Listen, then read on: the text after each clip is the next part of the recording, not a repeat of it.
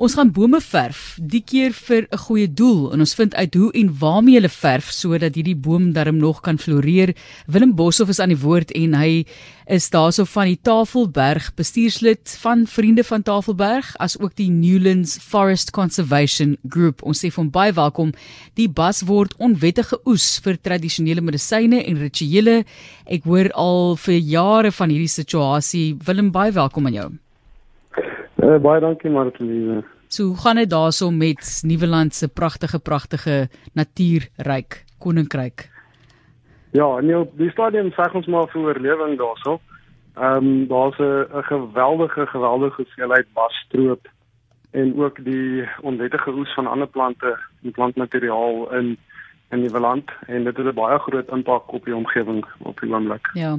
Ek kyk wil 'n mens sien dat bome word vir verskillende doeleindes gebruik en ek is nie besig om enigiemand nou hierso te probeer sleg sê nie, maar dan sal 'n plakkaat opgesit, dan staan Eerder wanneer lap omgedraai vir 'n goeie doel natuurlik is alles vir goeie doele maar dan dink ek net altyd die arme boom jy weet waarvoor ons jou nou gebruik en staan jy al langer daar as wat ons leef Maar vertel vir ons van die verf oplossing. Hoekom is dit die oplossing en watter tipe van verf gebruik julle? Kyk, dit dis nie 'n volkomme oplossing nie, maar dit is iets wat ons eh, glo regtig 'n verskil gaan maak. Uh dis nou vir 'n paar jaar wat die ouens in die stedelike gebiede uh bome wat geteken word vir basstroop wat hulle verf met gewone PVA verf en uh ons verdun dit met water en hierdie verf ehm um, besoedel die bas sodanig dat die waarde van die bas verminder.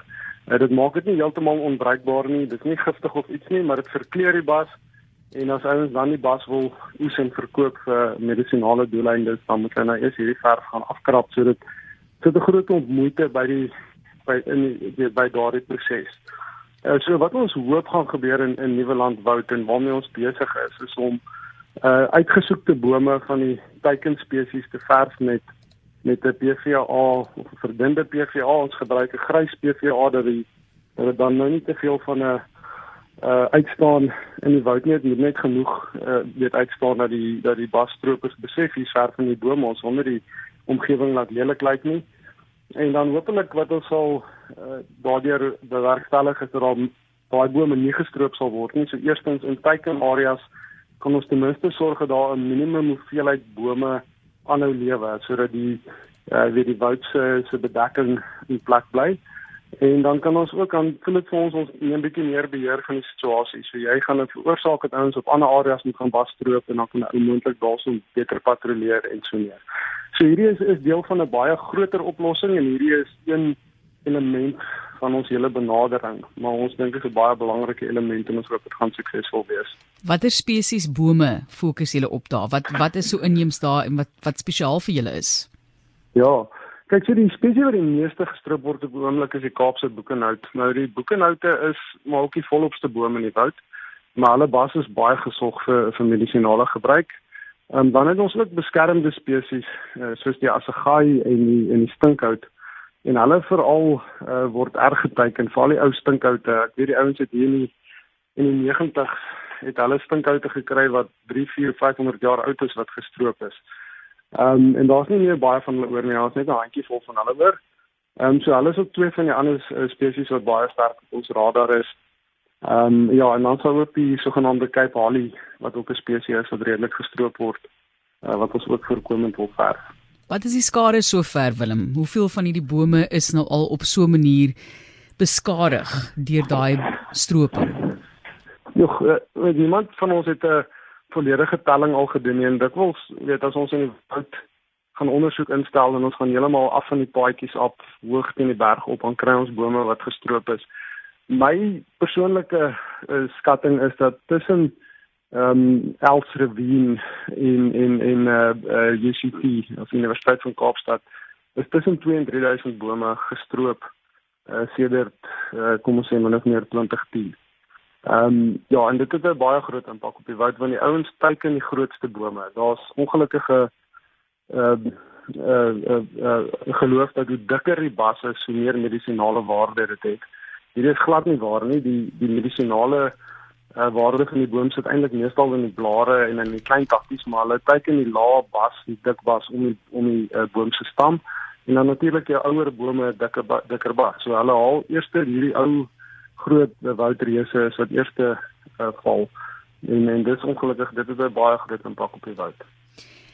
Kom ons gesels gou 'n bietjie net oor die verhouding tussen natuur en mens. Jy weet ek het onlangs gelees dat die Amazone se natuurlewe nog 'n baie klein persentasie van benut is vir byvoorbeeld medisinale toepassing en gebruik en ontkennis die voordele daarvan daai tipe van ding of jy weet verken is is die is die beter woord.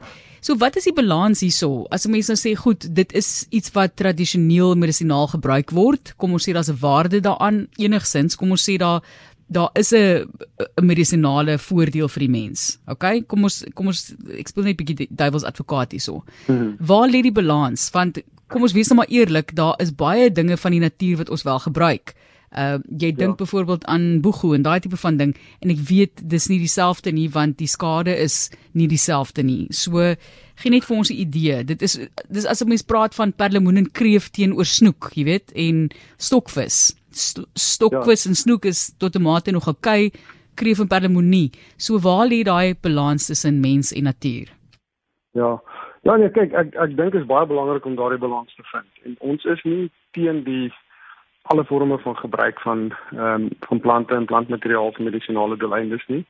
Ek dink die groot ding waarmee ons te doen het is hier is 'n nasionale park. So dit maak nie saak wie is of waarvoor jy wil doen, dit is 'n nasionale park. Jy kan eenvoudig nie daaraan gaan en plante uh, vernietig vir jou eie doeleindes nie. Maar as ons kyk na die groter prentjie dan stem ek 100% saam. Dit is dit gaan oor volhoubaarheid en om volhoubare ehm um, praktyke te ontwikkel. Nou soos ek vroeër genoem het, weet hierdie bome wat geteken word, meeste van hulle het medisinale waarde, uh, maar vir meeste van die doeleindes waarvoor hulle aangewend word, kan mens beter medisyne koop by 'n apteek. Uh, dit is dan 'n geval van mense met of die die medisyne kan bekostig. Uh, die beskikbaarheid van die medisyne in in uh, afgeleë areas en ehm um, dan ook om mense op te voed om te sê hoor maar jy kan eintlik uh, beter medikasie koop as wat nodig is wat mens nou hierdie bome gaan gaan doodmaak. Die ander opsie is is daar verskeie toetse al gedoen en daar's gevind vir enige boom wat medisinale waarde in sy bas het, kom daardie selfde medisinale uh, ek gaan nou sê chemical compounds kom in groter hoeveelhede voor in die, in die klein takkies en in die blare.